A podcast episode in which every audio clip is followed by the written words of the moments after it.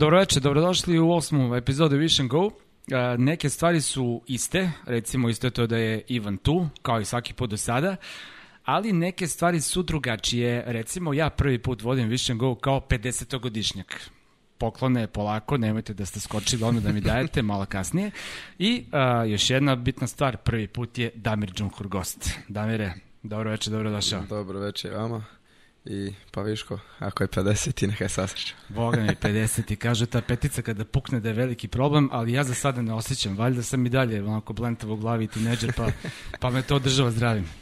Džumi, kako ti se čini ovde kod nas u, studiju na kraju univerzuma? Prvi put si ovde, evo ja da iskoristim priliku da kažem dobrodošao. Hvala, hvala, bolje vas našao. Sviđa mi se iskreno, jako ste lijepo redli. Ovaj, dosta sportskih rekvizita, malo starijih, morat ćemo da obnovimo. ali, ali jako lijepo. Jako Idemo, lijepo. Šta imaš protiv starijeg, izvini? Ništa, apsolutno ništa.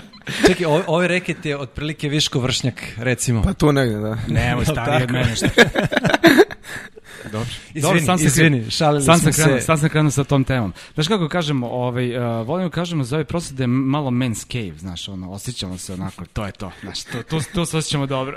da. Muška pećina, bože kako odvratno zvuči kad se prevede. Jezivo. Katastrofa. Uh, Džumi je uh, čuveni teniser, čuveni. ali i Stona teniser, mi. Malo manje čuveni stona Malo manje čuveni. Uh, igrali smo sad... Krećemo odatle. E, Igra, da, da. Krećemo, igrali smo subotu uh, jedan lep turničić uh, kao teniseri, teniski treneri, novinari. Ivan imao ovaj, tu čast i čast privilegiju da, da komentariše. E, a Čumi i ja smo odigrali, uh, upali smo isto grupu i odigrali smo odlučujući meč za prolazak dalje i kod rezultata 1-0 za mene u setu, ne znam kako sam ga dobio, odigrao sam nešto, u transu sam bio, i 5-4 ja napravim grešku iz serve i sve propadne. I sve propadne. duše, ti si meni na promjeni strana, ovaj, primjenio sam stvari, rekao si mi, ovaj, najbolji set koji sam u životu odigrao, ja odmah bolje ne mogu.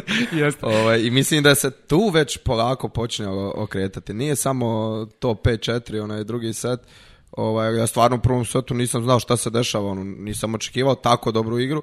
Ovaj, nisam ni ja nešto pretjerano briljirao, briljirao, ali ovaj, nekako se sve to okrenulo u sekundi. Jedan loš servis da. i onda je krenula greška za grešku. Pa kao i u tako? Isto kao i u tenisu. Ajde te pitam jednu stvar sad. A, da li u tenisu, mislim, odmah krećemo ovo sa nekim, sa nekim prosto mi pada na pamet, da li treba protivniku staviti do znanja E, u stvari koliko je štetno staviti do znanja protivniku, koliko si ti zadovoljan i iznenađen koliko dobro igraš zapravo?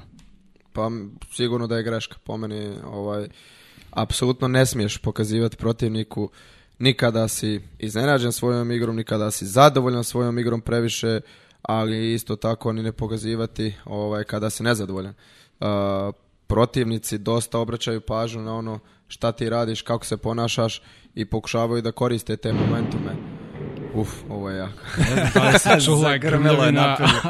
meni je super, ja uživam. A ti znaš šta je pluviofilija? E, šta? To je jedna bolest, dijagnoza, to imam ja. To su ljudi koji vole kišu. E, pa, nisi, nisi prvi. Ali nis prvi. Znam dvoje ljudi, nikad mi nije, bilo jasno kako. ne, ne vredi da ti objašnjam ovo ali, ali, ali pozdrav da. Zato je on sad i raspoložen i to sve onako funkcioniše možda i, i, drugačije nego inače kada je, kada je mnogo sunčano. Džumi, šta radiš? mislim, e, ok, počelo da se igra konačno malo, evo, dešava se, e, napravili smo one jako lep turnir na Kalemegdanu koji si osvojio, čestitam ti sad još jednom. Ovaj, odigrao si sjajno ovaj, i, i deluje da si ipak e, onako uspio da uđeš u kakav takav ritam. Pa Dugo jesam, ovaj, moram da priznam da sam nekako...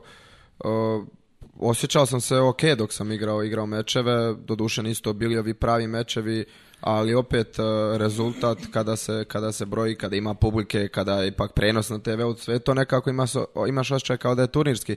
Tako da sam prilično zadovoljan i mislim da smo svi igrači pružili ovaj, dobre igre, pogotovo to finale sa, sa Filipom, mislim da je bio stvarno dobar meč.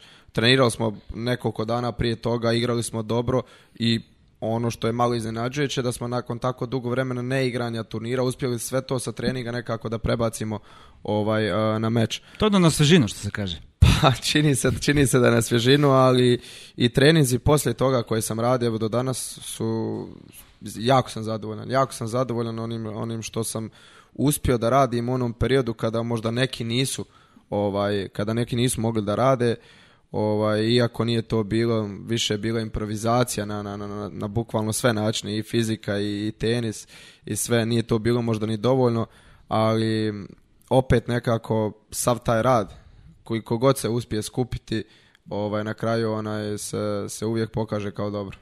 E vidi, sada lako ja ću da, da povežem sada vremenske uslove o kojima smo pričali sa, sa baš tim e, okršajem koji si igrao protiv e, Filipa Krinovića, koji sam ja imao privilegiju i časti da komentarišem sa, sa Ducijem Lajevićem, tako je. Bio je Duci pored meni i bila je ona vrlo čudna senka na terenu, ovako po sredini, pa je onda naravno kako je vreme prolazilo i, i senka postajala Uh, odnosno sve veće i za, za, zatvarala ceo teren, tako je. I ti si u jednom momentu rekao, ako postoji čovek koji, koji više mrzi senku od mene, to je, to je verovatno Filip. Da. Jel tako bilo? I prozvali smo vas uh, shadow hatersima. Čuo sam e, sad, to, e, tako? Morao sam to da pogotovo Duci, ovaj njegovi komentari. E sad, uh, mene u stvari interesuje koliko ti vremenski uslovi mogu potpuno da, da izbaci igrača iz, iz ritma. Naravno, vetar je tu kao, kao faktor koji je u stvari najveći problem. Uf. Mrziš ga? Uf. Pa mrzim ga i nevjerovatno. Opet smo ja danas ovaj film trenirali. I sve smo trening i pričali smo o, o, svemu što dolazi, ovo Janko, ovaj, i ne znam kako ovaj, Filip je sam došao na priču. Uf, al džumi nemaš pojma koliko je teško igrati tamo na Novakom terenima. Non stop vjetar puše, ne prestaje. o, ovaj, ovaj, I mislim da stvarno ako neko više mrzi vjetar od mene, onda je, onda je to Filip, to znam. on sve mrzi više On sve, on sve, ovaj, vjetar, senka, bilo šta šta može da utiče ovaj, na igru. Ovaj, zato mislim da obojica ovaj, Uh, volimo kad smo indoor. E, ja, ja kaži, ta, ta senka zapravo konkretno, e, zapravo to prelamanje svetlosti je problem, znači izlazak lopte iz senke na svetlosti obrnuto, to je ono što smete igračima. Da, upravo. E, mislim da ona čak senka koju smo mi imali na Kalemegdanu je, bojmo da kažem, ako možda se kaže bolja i povoljnija, nego ona kroz drveće. Mislim da je to daleko najgora sjenka, jer tu non stop loptica ulazi, izlazi, ulazi, izlazi i ti stvarno u tom momentu možeš da, da izgubiš onaj trag loptice i udarci nisu više čisti, udarci nisu sredinom reketa, e, gubiš ritam, nisi siguran kad udaraš jednostavno i meni, meni to stvarno stvara onaj ogroman problem, pa čak i ona sjenka onaj, u nekim momentima najgore je kada recimo lopta ide na moju forehand stranu, sunce je znači sa desne strane, ja okrećem se, vidim, dakle, sunce ide, a lopta ide u sjenku. I onda taj, taj neki, nešto što ostane u očima od sunca, onaj, vjerovatno, u onom trenutku kada je udaran loptu, ja nekada bukvalno imam oča da sam da, ja bukvalno imam oša da sam udero loptu na pamet. Na kom turniru ti je najveći problem? Naravno, ne igraš uvek u isto doba dana i, i sve to potpuno jasno zavisi od rasporeda, ali na kom turniru ti najviše smeta? Miami je onako prepoznatljiv po vetru u principu, je li tako? Miami, vjetar, Delray Beach, recimo tamo vjetar, Acapulco, ovaj, to su turniri, ti turniri uglavnom na moru koji, koji malte ne svaki dan puše vjetar, tako da ne možeš da očekuješ dan bez vjetra. Ali recimo centralni tereni, veliki tereni koji imaju te krovove, pokretne krove koje prave ovaj sjenku, znaju da, da naprave nekada problem na, na Australian Openu, ovaj, na US Openu također, ovaj, ali u suštini puno je uslov, puno je ti stvari koje mogu da, da, da poremete igrača, nisu to samo ovaj, sjenka i, i vjetar, ima tu i do terena, kakav je teren, da li je previše suh, da li je previše mokar, da li je kiša, nema kiše. Ali čekaj, izvini, e, ti u principu čak ti ponekad i odgovara da je, da je teren e, malo onako neravan, što možemo potpuno reći da je, da je slučaj u Antali, jel tako? Pa si tamo imao sjajan rezultat. Pa, jedna neverovatna stvar je da sam, da sam ja uspio da osvojim turnir u Antali, ovaj, baš iz tog razloga što je teren bio zaista jako neravan. Ovaj, a ja sam neko ko ne može da igra po takvim terenima, pogotovo rekao bi na šljaci, ako je loš teren, ja imam zaista veliki problema, jer igrač sam koji voli da ima ovaj neki ritam i, zato sam možda u posljednje vrijeme na tvrdoj podlozi i bolji i rekao bi čak još više u indoor zato što nema tih vanjskih uslova koji mogu da mi smetaju ali sjećam se dobro da sam rekao prije početka turnira u Antalji sa mnom su bili koncioni trener i trener tada Ilija Bozoljac i, i Strahnja ovaj, i prvi, drugi trening, ja sam tu već ono ugodio i čak mislim da sam slomio reket tu na treningu. Rekao sam pa ja, ja ću prvi da glasam za ovaj turnir da, da ga ne bude sljedeće godine. I, ja, i prvi. I, sjećam se dobro strahnje po, nakon, nakon pehara rekao ja se nadam da ćeš povući ono što sam, si rekao. Ali ugašen je, boga mi. Mislim da si još jednu godinu. Još jednu godinu se igrao i opet sam i to sajmo reći bez lijeve ruke četiri finale ovaj, i tu sam se razbogio ovaj četiri finale, ali opet sam imao, mm. da kažemo, To kad je Miša igrao finale, tako, tako, je, tako je. Istina da, da, da farbaju teren ovaj, u, u u ovaj zelenom bojem, da bi, da bi izgledalo na nešto, pošto sunce potpuno sasuši travu pa i bude to žuta. Nisam, to nisam čuo, ali da je trava na većini terena ono potpuno sagorila i žuta, mm, da. To jeste. sad si je rekao u stvari vrlo važnu stvar, dakle, a, a, ljudi kada čuju kao smetamo vetar, smetamo senka, smetamo teren i tako dalje, Obično kažu jeste, ali kako tebi, tako i onom drugom ali mnogo je kompleksnije od toga.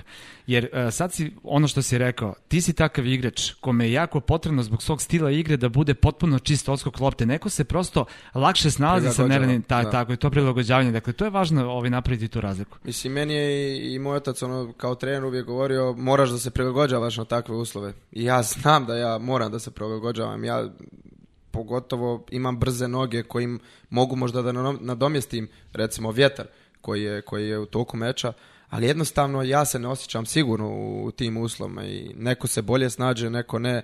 Naravno, e, mi ne tražimo ovaj razloge iz nekog poraza i zbog vjetra ili zbog nečega, jednostavno može da utiče na igru. Pa Novak Đoković, igrač koji, koji igra onaj najlošije po vjetru od, od prve recimo prvi deset igrača i koji otvoreno kaže da, da, da ne voli vjetar, mislim, ajmo da kažemo na nekom drugačijem nivou, pa oni kada puše vjetar i kada igra loše, to je i dalje da. ova jako dobro.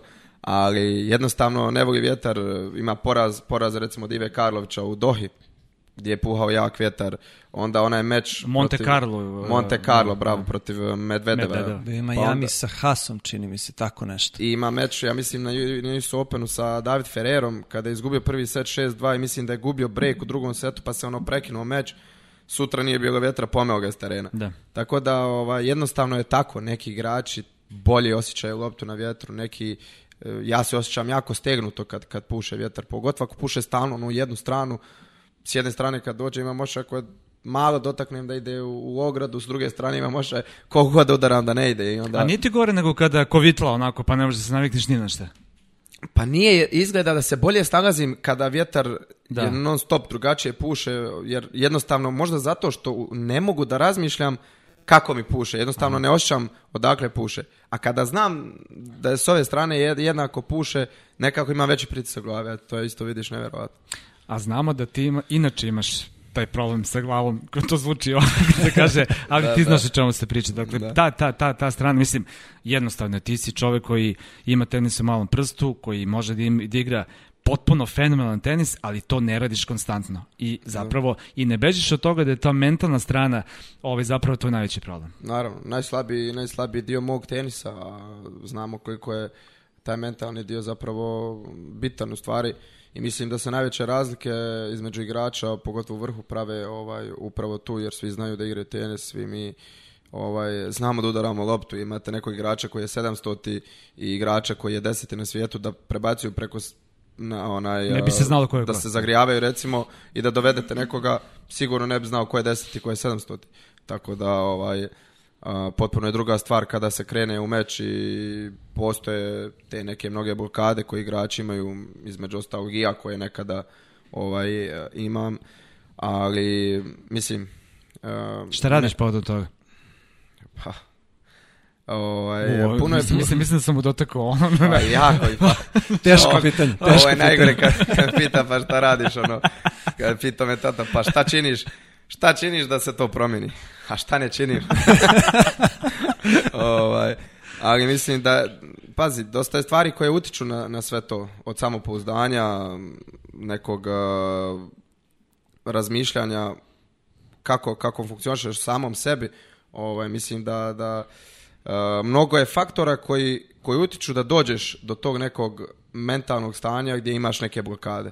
Ovaj, I kažem, ne dešava se to uvijek možda imaš recimo sljedeće sedmice braniš 200-300 poena koji ti je veliki, ovaj, veliki zalogaj, gubiš te poene, razmišljaš o tome pod velikim sin stresom i, i tenis je takav sport gdje si u stvari uvijek pod nekim stresom, manjim ili većim, ali ti, svaki meč je, ovaj, ajmo da kažemo, na neki način stres.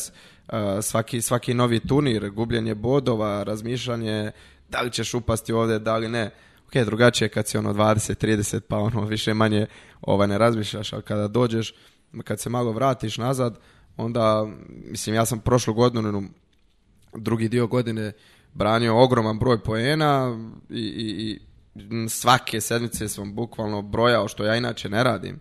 Ova, ja ni nekada ni ne znam koliko imam bodova, bukvalno sam brojao svaki bod, šta mi treba ove sedmice, šta bi moglo da se desi i to je, to je, to je veliki pritisak, to je veliki pritisak, ali navikao sam da, da igram pod, pod nekom dozom pritiska i znam milion situacija gdje sam uspio stvarno dobro da odigram kada mi je najviše trebalo, pa evo i prošle godine, kraj godine, ja sam morao da odigram minimum pol u Bratislavi Challenger, koji je jedan od jačih Challengera, pogotovo u tom periodu 110.000, mislim da je bilo top, top 10, top 10 igrača o, top 100 igrača, izvinjavam se. Ovaj, I jednostavno nekako odigrao sam, najbolja sedmica u toj godini je bila, bila tu, bez obzira što je to Challenger. Ja, kada imate najbolju sedmicu, možete i na ATP-u ovaj, eh, odigrati, odigrati jako dobro. Tako da pod pritiskom sam znao dobro da igram i najlošije sam uvijek igrao, ne znam zašto, kad imam toliko veliki period, ogroman period gdje nemam recimo ništa da branim, kao jednostavno... Opustiš se nekako, šta? Pa, eh, znaš kako je, ti, ti, u, ti vjerovatno podsvjesno se, ono, ne, žel, želeći se opustiš, ovaj, a onda što se više, što više prolazi taj period, sve, sve si pod većim stresom razmišljajući o tome, aha, šta kada dođu da se brane i šta će onda da bude?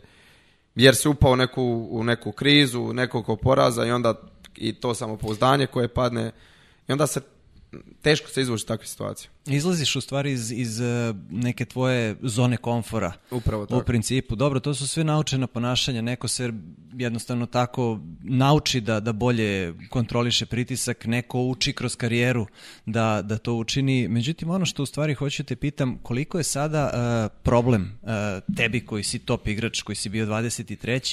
Uh, sada kada si nešto izvan 100, da se eventualno ponovo vratiš, da isplaniraš svoju, svoju sezonu, ne govorim sada samo o ovim uslovima koje su zadesile, zadesili celu planetu, nego, nego inače kakva su, kakva su neka razmišljanja. Ali opet ta stotka kao cilj ili, ili je naravno e, mnogo viši pucaš na, na mnogo bolje pozicije što je potpuno ok i tako treba da bude. Ma da, mislim u suštini razmišljam da je, da je ta stotka samo jedan progazni, ovaj, progazni dio koji jel, moram da uđem u prvi 100 da bi došao do prvi 70, do prvi 50. I ATP ranking i godine su samo broj. E, jeste, jeste. izgleda da je, da je 50, tenisu, godišnjak Nebojša ti to govori. kaže. Zato kažem. Zato kažem. da. Ovaj, tako da, u suštini, uh, ispao sam iz prvi 100, izgubio sam ovaj, imao sam, ne znam, Rotterdam da branim 90, 90 pojena, nisam uspio da odbranim za prvi sto mi treba 30-40 poena, to, to mogu da napravim u jednoj sedmici ovaj, sa dvije, tri ovaj, pobjede. Niko ne kaže da su dvije, tri pobjede se do, ostvaruju tek tako, ali kažem, to je dakle, ostvarivo ovaj, u jednoj sedmici, a imam još 25 sedmica ili 27 sedmica koje ću igrati toliko godine i koje mogu da iskoristi na pravi način. I nije svaka sedmica ovaj, nije turnir koji na kojem očekuješ da možeš da napraviš neki rezultat, ali imaš neke, neka mjesta gdje se ošćaš dobro, gdje igraš dobro i pokušavaš možda na takvim mjestima ovaj, napraviti bodove i ono što je najbolje u tenisu jeste da je svaka sedmica ovaj, nova prilika.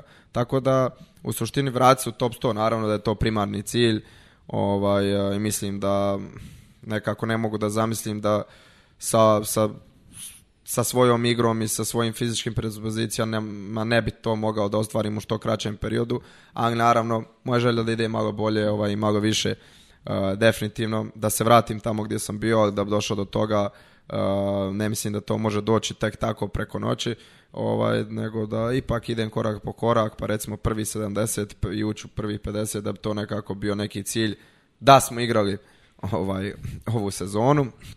S obzirom da nismo igrali, vidjet ćemo kako će to je sve ići, bit će i zbog rankinga i zbog poena turnira, ali ono što me raduje je da, da sam i u ovom periodu kada je nekako bilo možda najteže za motivaciju, da sam dobro radio, ovaj, ne, pošto sam 110 i što, to ću možda morati odigrati Challenger, me uopšte ne, ne ovaj... To te ne eh, smeta previše ne, to? Ne, ne, ne, uopšte. A i kvalifikacije što moraš da ATP i tako Ne, ne, mislim, ja sam i prošlu, prošli ovaj, eh, godinu, u drugom dijelu godine, većinu poslije US Opena, pa rekao bi 90% turnira morao da igram kvalifikacije i dobro mi je čak bilo zbog mečeva jer sam zaista imao ogroman broj eh, pobjeda i donosilo mi je to samopouzdanje i na kraju se ipak ovaj to isplatilo. Istina je, dobiješ dva meča, malo, premalo pojena, dobiješ dva dobra igrača, recimo Beč ka e, kvalifikacije, e, dobio sam Džarija, pa sam onda dobio Bubuljka, dva igrača koji su te godine osvojili ATP titule, 60 i 45 igrač na svijetu, a dobio sam 20 bodova. To je recimo smiješno. Da. Isti takve igrače da sam recimo dobio, a mogao sam da igram sa njima recimo na Grand Slamu, ovaj, bi bilo 90 bodova. Ali mislim da su, da su te pobjede na kraju meni donijele taj dobar turnir u, u zadnjoj sedmici. Kako izgleda e, taj, taj vaš, mislim to ljude zanima strašno, e, kako izgleda taj vaš život? E, sad pominješ te kvalifikacije i sve to, vi, vi, vi prosto morate vodite računa o svemu. Mnogi imaju naravno timove oko sebe koji vode računa, ti putuješ sa trenerom, si sa perom, jel tako, ovaj, i dalje, i strahinje kondicioni sada tu ali nemaš taj luksus da možeš da vodiš prosto ekipu koja će da vodi organizaciju, logistiku i sve ostalo. Kako izgleda? Ti sad recimo imaš jedan turnir. Uh, gde odsedaš? ko ti plaća to? da li nalaziš neke prijatelje gde, gde možeš da odsedaš kod njih u kući? Kako to funkcioniš? Pa dobro, uglavnom ATP turniri ali pokrivaju taj hospitality za igrače, naravno igrači koji dolaze sa recimo kao ja uglavnom sam u protokom periodu putovao sa trenerom i sa fizijom jer mislim da je u ovom periodu stvarno fizio neko ko, ko je, ko je jako potrebno i on je ono nekako broj jedan ovaj, tako da trener i fizio ovaj, e, za njih se uzima druga soba, naravno plaćaš, plaćaš jer turnir to ne pokriva.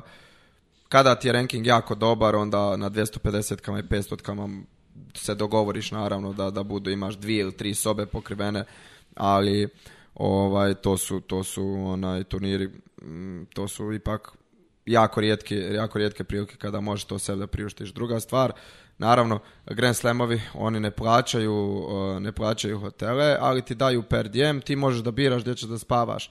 Ovaj, na jednom, na jednom ili dva Grand Slema ovaj, imam, imam jako dobre prijatelje, gdje, sam, gdje spavam kod njih u njihovoj ovaj, kući i, i moram da priznam da ja zaista volim taj, taj stil drugačije, ne, non stop si u hotelima, non stop si po hotelima, ovako si ipak kući, imaš neki svoj mir ovaj, i, i, i naravno pored toga puno manji troškovi. Ovaj, to, je, to je pogotovo u godinama koje su iza mene bilo jako ono bitno kad ti neko kaže e pa imaš ogromnu kuću, ono možete imate dva, tri sprata svoja, ona je sigurno štediš tri, četiri, pa i možda više hiljada ovaj eura za za Uđeš u drugu nedelju, upravo, upravo, upravo. A dobijaš per diem s ove strane. ovaj to se nekad prije brojalo, sada su ono, sada je drugačije, sada tražiš šta tebi ovaj najviše odgovara. U New Yorku imam uh, tatine prijatelje koji kojem koji imaju veliku kuću i to mi i dalje odgovara. Na ostalim Grand Slamama sam ovaj, u hotelima ovaj, i jednostavno mislim da je, da je jako bitno da, da radiš ono što, što tebi odgovara. Istine, nemaš, ne može neko ko je, ko je recimo 30 ili 50 ili 100 da se priušti ono što mogu igrači iz top 10, ali trudiš se da ulažeš eh, što više u sebe jer e, definitivno je ono da koji koga toliko će se vratiti. Ali istina je i, suština, čini mi se, u ovoj priči, koliko god da se sa, sa onako strane e, publike čini, nije ni malo to toliko e, glamurozan život i putovanja i aerodromi i hoteli i tako dalje. Mislim, ima sve to naravno svojih lepih strana, ali ima i previše odricanja. Ma naravno, ovaj, koliko puta mi se desilo još dok sam onako bio mlađi dok sam, dok sam išao u školu, ono, svi su govorili, ja, blago te putuješ, blago te putuješ, mislim, ok, nisam ja nikome trebao da objašnjavam ovaj, da to nije baš tako blago se tebi. Ovaj, eh, put, odlasi na aerodrom, rana buđenja, umoran po cijeli dan, duga putovanja, spremanje, raspremanje, sva ta neka organizacija i opet dolazimo na taj stres koliko to je tek stresno, gužva u da li ću da stignem na avion, da li neću, pa bukvalno svake sedmice. Ovaj, i, I onda dođeš, dođeš na turnir prvi dan, trenizi kreću, ti u stvari većinu turnira, pa ja ne znam koliko, koliko puta uspijem na nekom turniru da odem do grada, da odem eh, van terena i van klub, ovaj, van hotela. Eh, jako rijetko, i odnosno jako malo vremena se ima za, za takve stvari. Pa čak i kada imaš vremena, nekada jednostavno umoran si, ne možeš i sutra imaš meč, ne trebaš da hodaš previše, ovaj, želiš da odmoriš, eh, imaš neke, neke druge stvari u planu i jednostavno takav život ne može da se kaže da je glamurozan. Ok, nekada su zaista lijepa mjesta, lijepi hoteli, ovaj, i možda kažeš ok, ovu sedmicu mogu malo ono i da uživam i da, da, da kažem ajmo reći, može da bude odmor, može da bude turnir, recimo Los Cabos, turnir koji je jedan stvar od najljepših turnira, ovaj, Acapulco također, Los Cabos smo, ovaj, je izgrađen taj novi hotel, sljedeće godine će vjerovatno biti i tereni u, u, u skopu hotela, on nevjerovatan stvarno, možda jedan najboljih hotela u kojem sam ikada bio, more, čim ono se probudiš ujutru, vidiš okean, pješana plaža, bazeni i, i ovaj za takva neka mjesta kažeš da, to je stvarno lijepo, gamurozno, ali onda opet ti većinu vremena provedeš na terenima. Ovaj, tako da nije to onako bajno kao, kao što izgleda. Ovaj, mnogo lijepih stvari, kao što sam rekao, mnogo pozitivnih stvari ima, ali puno previše odricanja i jedan, jedan sport koji zahtjeva, koji zahtjeva zaista ovaj, to nekako da kad bi poredio sa timskim sportovima, oni dođu, uđu u autobus, odu do aviona, svim, neko im spremi te dresove, sačka i dres, on, on ga obuče, stavi recimo kopačke, izađe na teren, igra, možda je povrijeđen, malo izađe ovaj, u tenisu, jesli povrijeđen, ok, dečko, ne možeš da igraš meč, ne dobijaš novac, odnosno dobijaš onoliko koliko si igrao do tog turnira, ovaj, povrijeđen si, ne možeš da igraš sljedeći turnir, ok, ne dobijaš ništa, Ovaj, i, i tako, jednostavno mislim da, da život, život e, sportiste je težak kao život tenisera, ovaj, nekako posebnu tu neku odgovornost ovaj, tih individualnih sportovi nose. E sada vidi, e, ti si u jednom momentu morao da se, da se opredeliš, pomenuo si futbol, e, igrao si futbol vrlo aktivno, takođe i skijao si. Mhm. I onda gde, gde je kliknulo da ipak to bude tenis?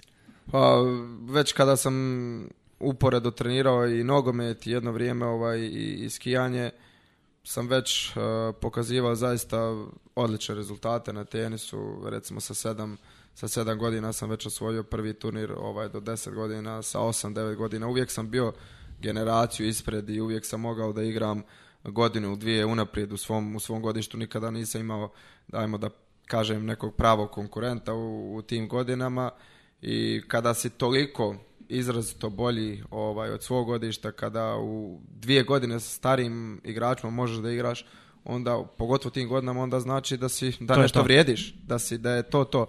Ovaj uz sve to otac je ovaj bio trener i nije mislim ne mogu da kažem da nije dao drugi sport, ali jednostavno shvatio je da, da, da, da imamo šansu jer ipak ovaj on ono što čime se bavi i što najbolje zna jeste da bude teniski trener ovaj, i ja zaista od prvog dana kada sam krenuo da treniram tenis, ja nisam imao uh, dvojbe da li, da želim da budem teniser ili, ili, ili Jeste da, da nekako, ono, da kažem, nešto što, sa, što sam, što sam sa, o čemu sam sanjao jeste da, da igram nogomet ali nikada nisam imao želju da prestanem ovaj, sa tenisom, tako da u tom, u tom trenutku nikada nije bilo dvojbe koji sport. Ko je, e, e, naravno, super si sa svim igračima iz regiona, sa ovim srpskim ovdje se družiš savršeno, vidim da, da stvarno imate izvjetni odnos, tako je. Ko je najveći gotivac Neti Pituro? A ko je kontra? Uh, ne pa, rečunići ove naše igrače. Ajde da, da izuzmemo naše jer su naši svi gotivci ove, ovaj, tako da stvarno sa svima ima dobar odnos i ne, ne mogu da kažem da ima jedan igrač s kojim sam nekim ovaj, imao nekada neprijatne situacije, ne, sa naših prostora ne i drago mi je da je tako. Ovaj, najveći gotivac po meni Gaja Monfis.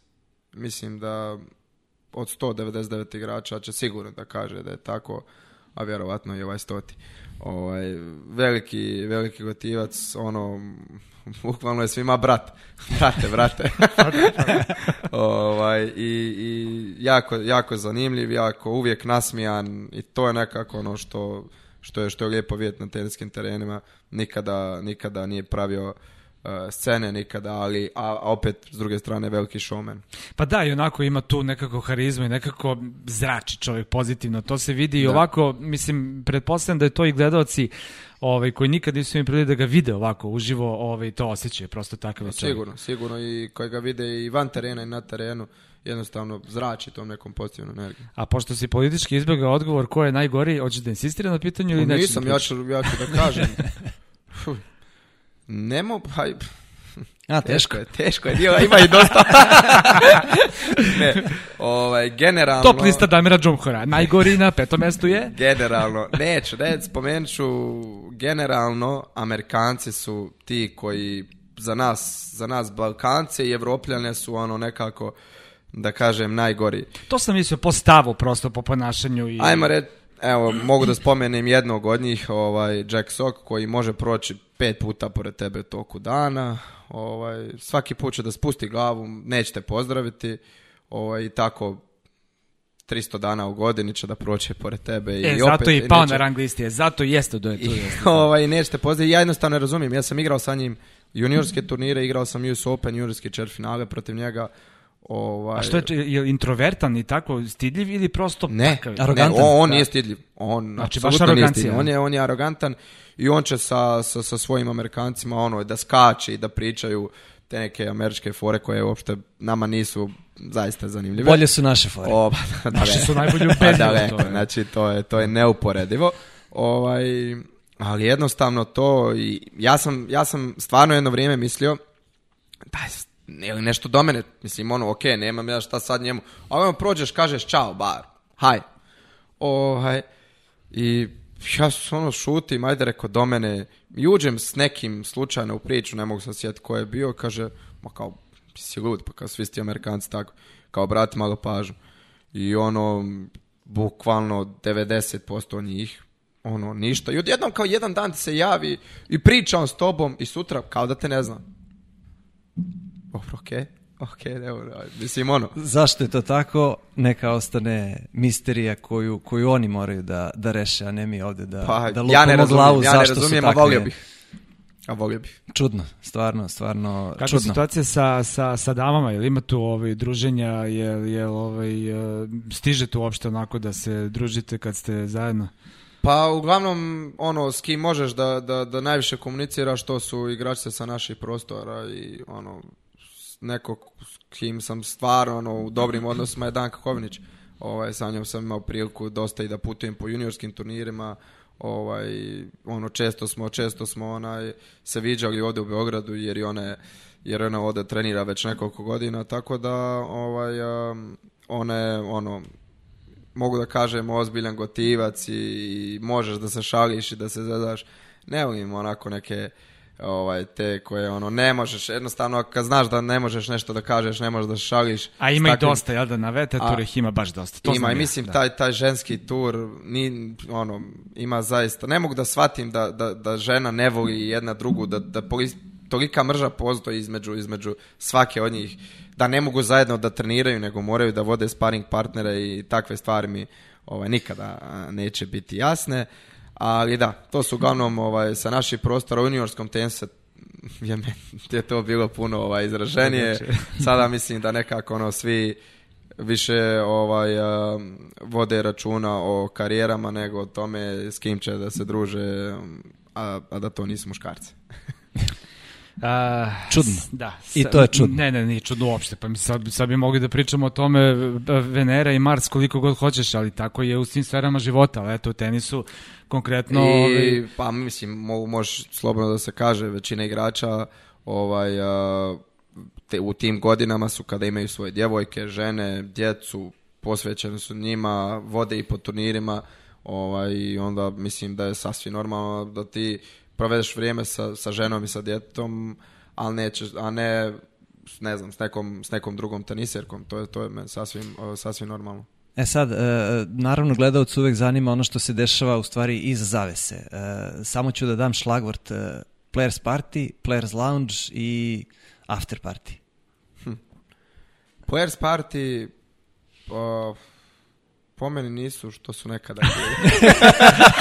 ja kao... Ovo je, setno bilo baš kao da imam 35 bar. Ovaj, okay. Ali ne, nekako, pa naš, mislim, ja sam prije ovaj, po tim Futures večerima ti Players Party su bili puno ozbiljniji, mislim, ono Sada si ga za 15 godina kad klince kaže kako je moje vreme. Sada ja da vam objasnim, čika mi da vam objasni kako Ali to opet govori da igrači na tom nivou, ATP, taj najviši neki nivo, jednostavno i to manje zanima i mislim da je to nekako opet ovaj, normalno.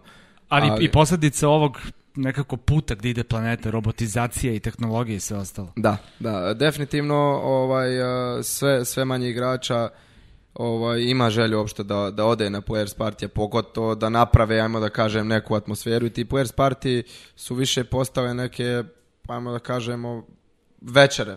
Večere koji igrač kaže, pa znam 90 igrača, ovaj prvi stoč da kaže, šta ima zeste, ima nešto dobro povijest, ako ima doći, ako, ako nema, ma neće, tačka, smar. Kakav pogrešan stav. Ovaj, mislim da, da jednostavno ti takve, takve stvari ti players Party, ajmo da kažemo večere, bara, eto, ako ništa dođe, ovaj, je, trebaju da, da budu, da se, da se igrači nekako druže. Ok, to na terenima, ovaj, nemaš, ti, nemaš ti previše vremena da, da, da pričaš o nekim stvarima, ali takve stvari, takve, takva dešavanja mogu da budu mjesta gdje možeš da pričaš o nekim drugim stvarima, da, a da nije tenis. Tako da ja ovaj, stvarno kada, ako baš nemam kasno uveče trening, recimo tog dana kada je Puers Party, ovaj, odem, popričam, volim da, da provedem mm, ovo vrijeme, pogotovo sa našim igračima, zašto da ne? Da li ti se uh, sviđa tendencija eh, u kom, u kom eh, pravcu ide tenis da sada sve mora da postane, a baš se tiče te robotizacije svega i tako dalje, da sve mora da postane instant i mnogo brže, odnosno konkretno mislim na ove fast for setove?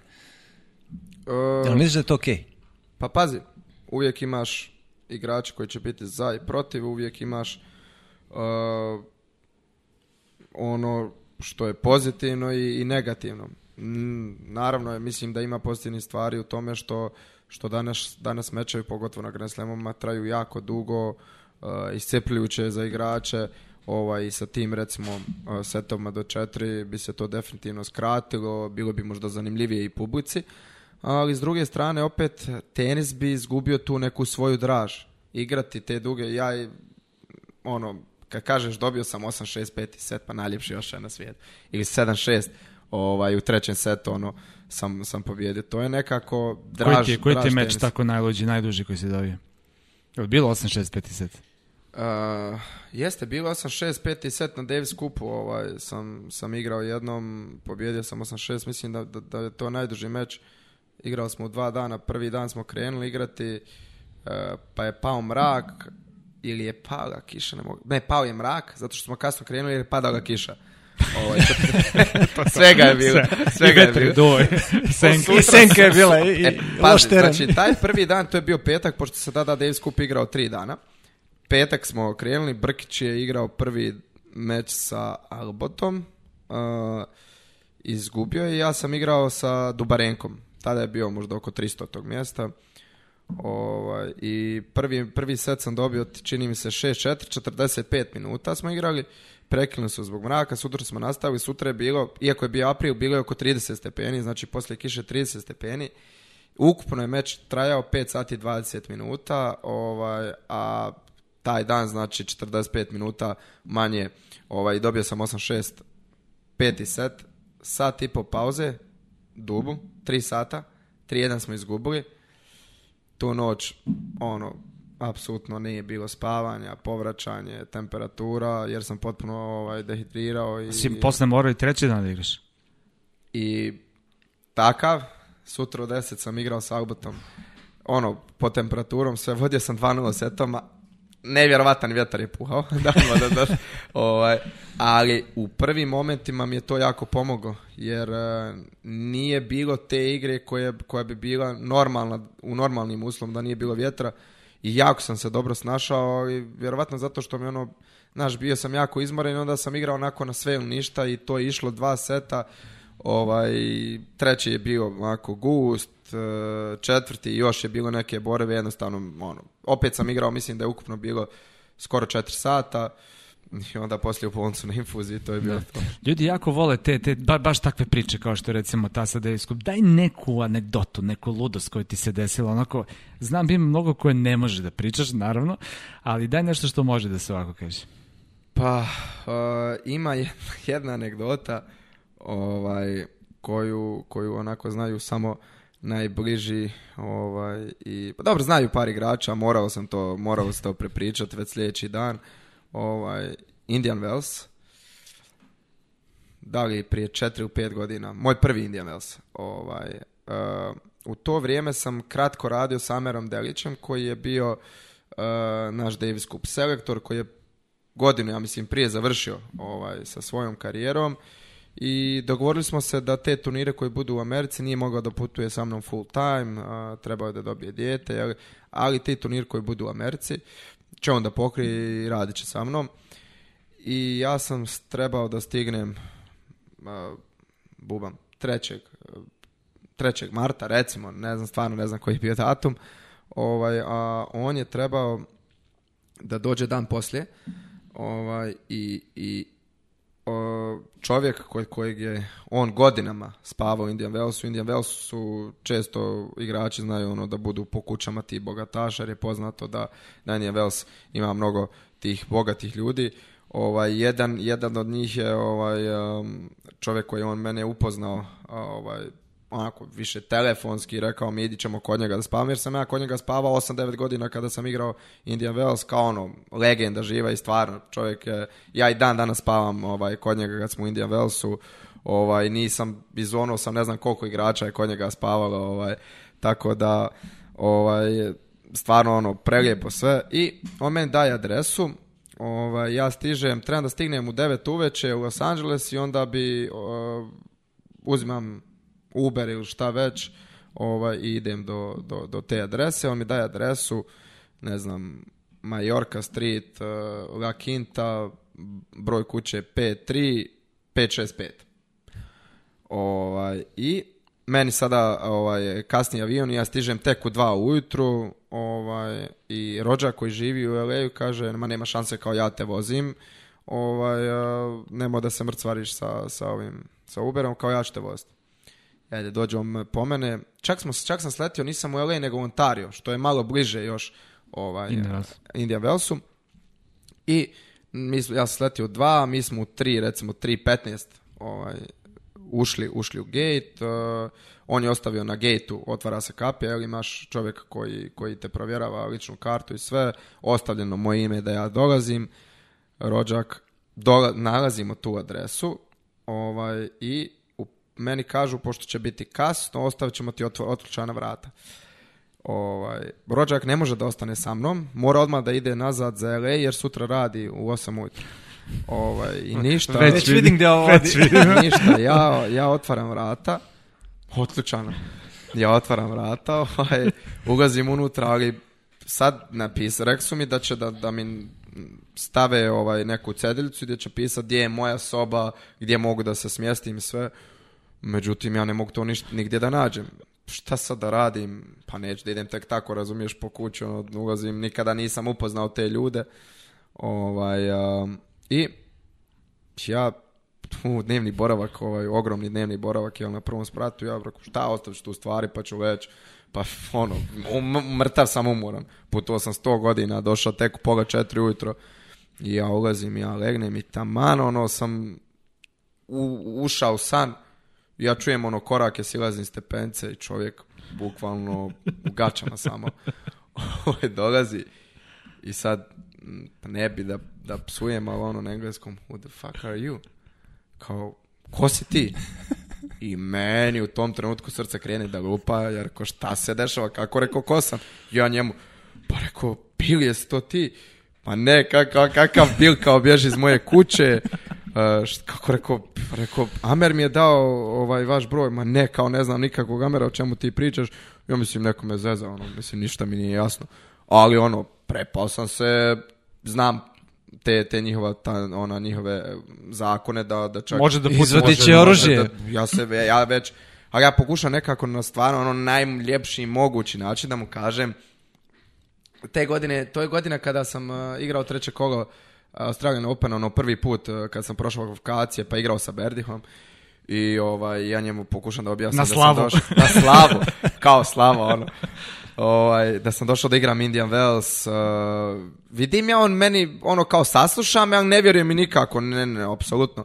Ovaj, kao da, sve ok, samo kad ajde, kao onaj, da, Jerko, možete li, molim vas, ovaj, samo evo, igrao sam uh, Australian Open ove godine, evo slike, pogledajte, kao da, sve super, kao Rekao, ok, ja, ja idem samo, ako vam nije problem, možete, molim vas da vidite Bill Fleckenstein, to je ime čovjeka kojeg sam trebao da, ovaj, da idem. Možete, molim vas da vidite ovaj, u kojoj, kući, jer to je taj gate. Rečeno mi je na gateu da, da je sve ok. I uspijem ja njega da ubijedim i on zovne gate, onako već dođe, presvuče se, prvo obuče, nešto stavi na sebe, dođe doga Ovaj, I nazove i pita kao Bill Fleckenstein i to je bila kuća pored. ovaj, nisam ja fugio adresu. Amer ti dao zbog. Amer mi je samo fulio 565, bilo je 555, a 565, kuća pored znači. Čovjek živi u kući pored, nema pojma ko je njegov komšija. Ovaj, to je ono njihov američki... Jack Sock, Jack Sock Da, da. ovaj, I kada je on vidio da sam ja, da nisam ipak toliko lagao da, da, da je sve bilo onaj u redu. Me kaže, ok, kao možeš da ostaneš večeras, ono da spavaš sada, ne ulaziš. Rekao, neka, neka, idem ja. Za svaki idem u svoju kuću tamo da trebam. Odem ja u kuću, drugu, drugu znači kuća odlučano, nađem papirić, legnem, zaspem sutra, ovaj, on upoznam se čovjekom i odmah mu ispričam šta se desilo i ono. To je postala te godine priča Indian Velsa, ovaj, kad, kad su neki igrači saznali Kasnije je taj čovjek e, došao da me gleda taj meč svake godine kada sam u India Velsu odemo na večeru Ovaj, i, i, i dođe da me gleda tako da nevjerovatno nevjerovatno iskustvo nevjerovatna stvar koja mi se desila kaže hvala Bogu pa se tako završilo. Viš kako je, ATP, ATP tur je mogao biti siromašni za dva igrača, za Dušana Lavića i Damira Đunhura. Duci su pretili pištoljem kad je ovaj, vraćao, vraćao ključ na aerodromu, a tebi za malo da siđe čovjek sa puškom da te upuca u svoju ne, Ono, mislim da sam uspio nekako na početku da ga smirim jer da sam da sam nekako Ali on je potpuno razumljivo čovjek siđe Ma ne, apsolutno, ono... pa zamisli ja ne znam šta bi uradio da nađem nekoga kući stvarno, pogotovo da, da su takvi zakoni da imaš pravo da, da. nekome, ovaj, nekoga da raniš ili bilo šta, ko zna. Da. Jimmy, evo tebi marker, zamolit ću te da se potpišeš na e, šolju, to će ostati nama, ti ćeš dobiti drugu, da znaš. To je onako standardni deo emisije. Jeste. E, pa gdje je sada? Ne znam gdje je. Negde smo slonili. E, Ima lopta za potpis. Ja sam je lopta za potpis dok se Džumi potpiše na loptu, e, mi da kažemo ono što uvijek zaboravimo, a to je da nas možete e, zapratiti na našoj Instagram i Facebook stranici. E, i da... Vision Go Show, platforme društvene, tako je. Tako je. Džumi, veliko ti hvala na, na gostovanju. mi ćemo samo da najavimo da ćemo sljedećeg ponedjeljak imati jednog vrlo, vrlo interesantnog gosta mala, mala onako pomoć. Neka bude zagonetka ili pomoć. Pa mala pomoć. Pa recimo da je, da je prvi na svetu. Da, recimo, tako je na mala pomoć. Ne znam da li znaš ko e, je, znaš ja, ja, ja moram razmi za sljedećeg da, da, da, javi nam, javi nam. E, ja ću vam porko, viš šaljem ti ako, ako uspijem. Ako se sentiš Odlično, e, to bi bilo sve, naravno imamo naše pozdrave za kraj. Ja ću pozdraviti sve one koji su uspješno prigurali pola veka svog života. Džumi, jel imaš ti nekog da pozdraviš ili ću prvo ja to da uradim? Pa, ajde ti. Ja se, ja se vraćam opet na, na književnost i pozdravljam sve one koji znaju uh, ko su Vladimir i Estragon. A ja ću da pozdravim, a znam, oni koji budu gledali će da znaju na koga se misli to. Da pozdravim sve one koji stavljaju kečap na picu. E, ok, na picu ok, ali to... na picu, to... Na picu apsolutno ne može nikako. Evo, da te vidi, da te izbaci iz toga. Džuni, hvala te Hvala, hvala puno. Veliki pozdrav, vidimo sljedeći ponedjeljak. Svako dobro, čao.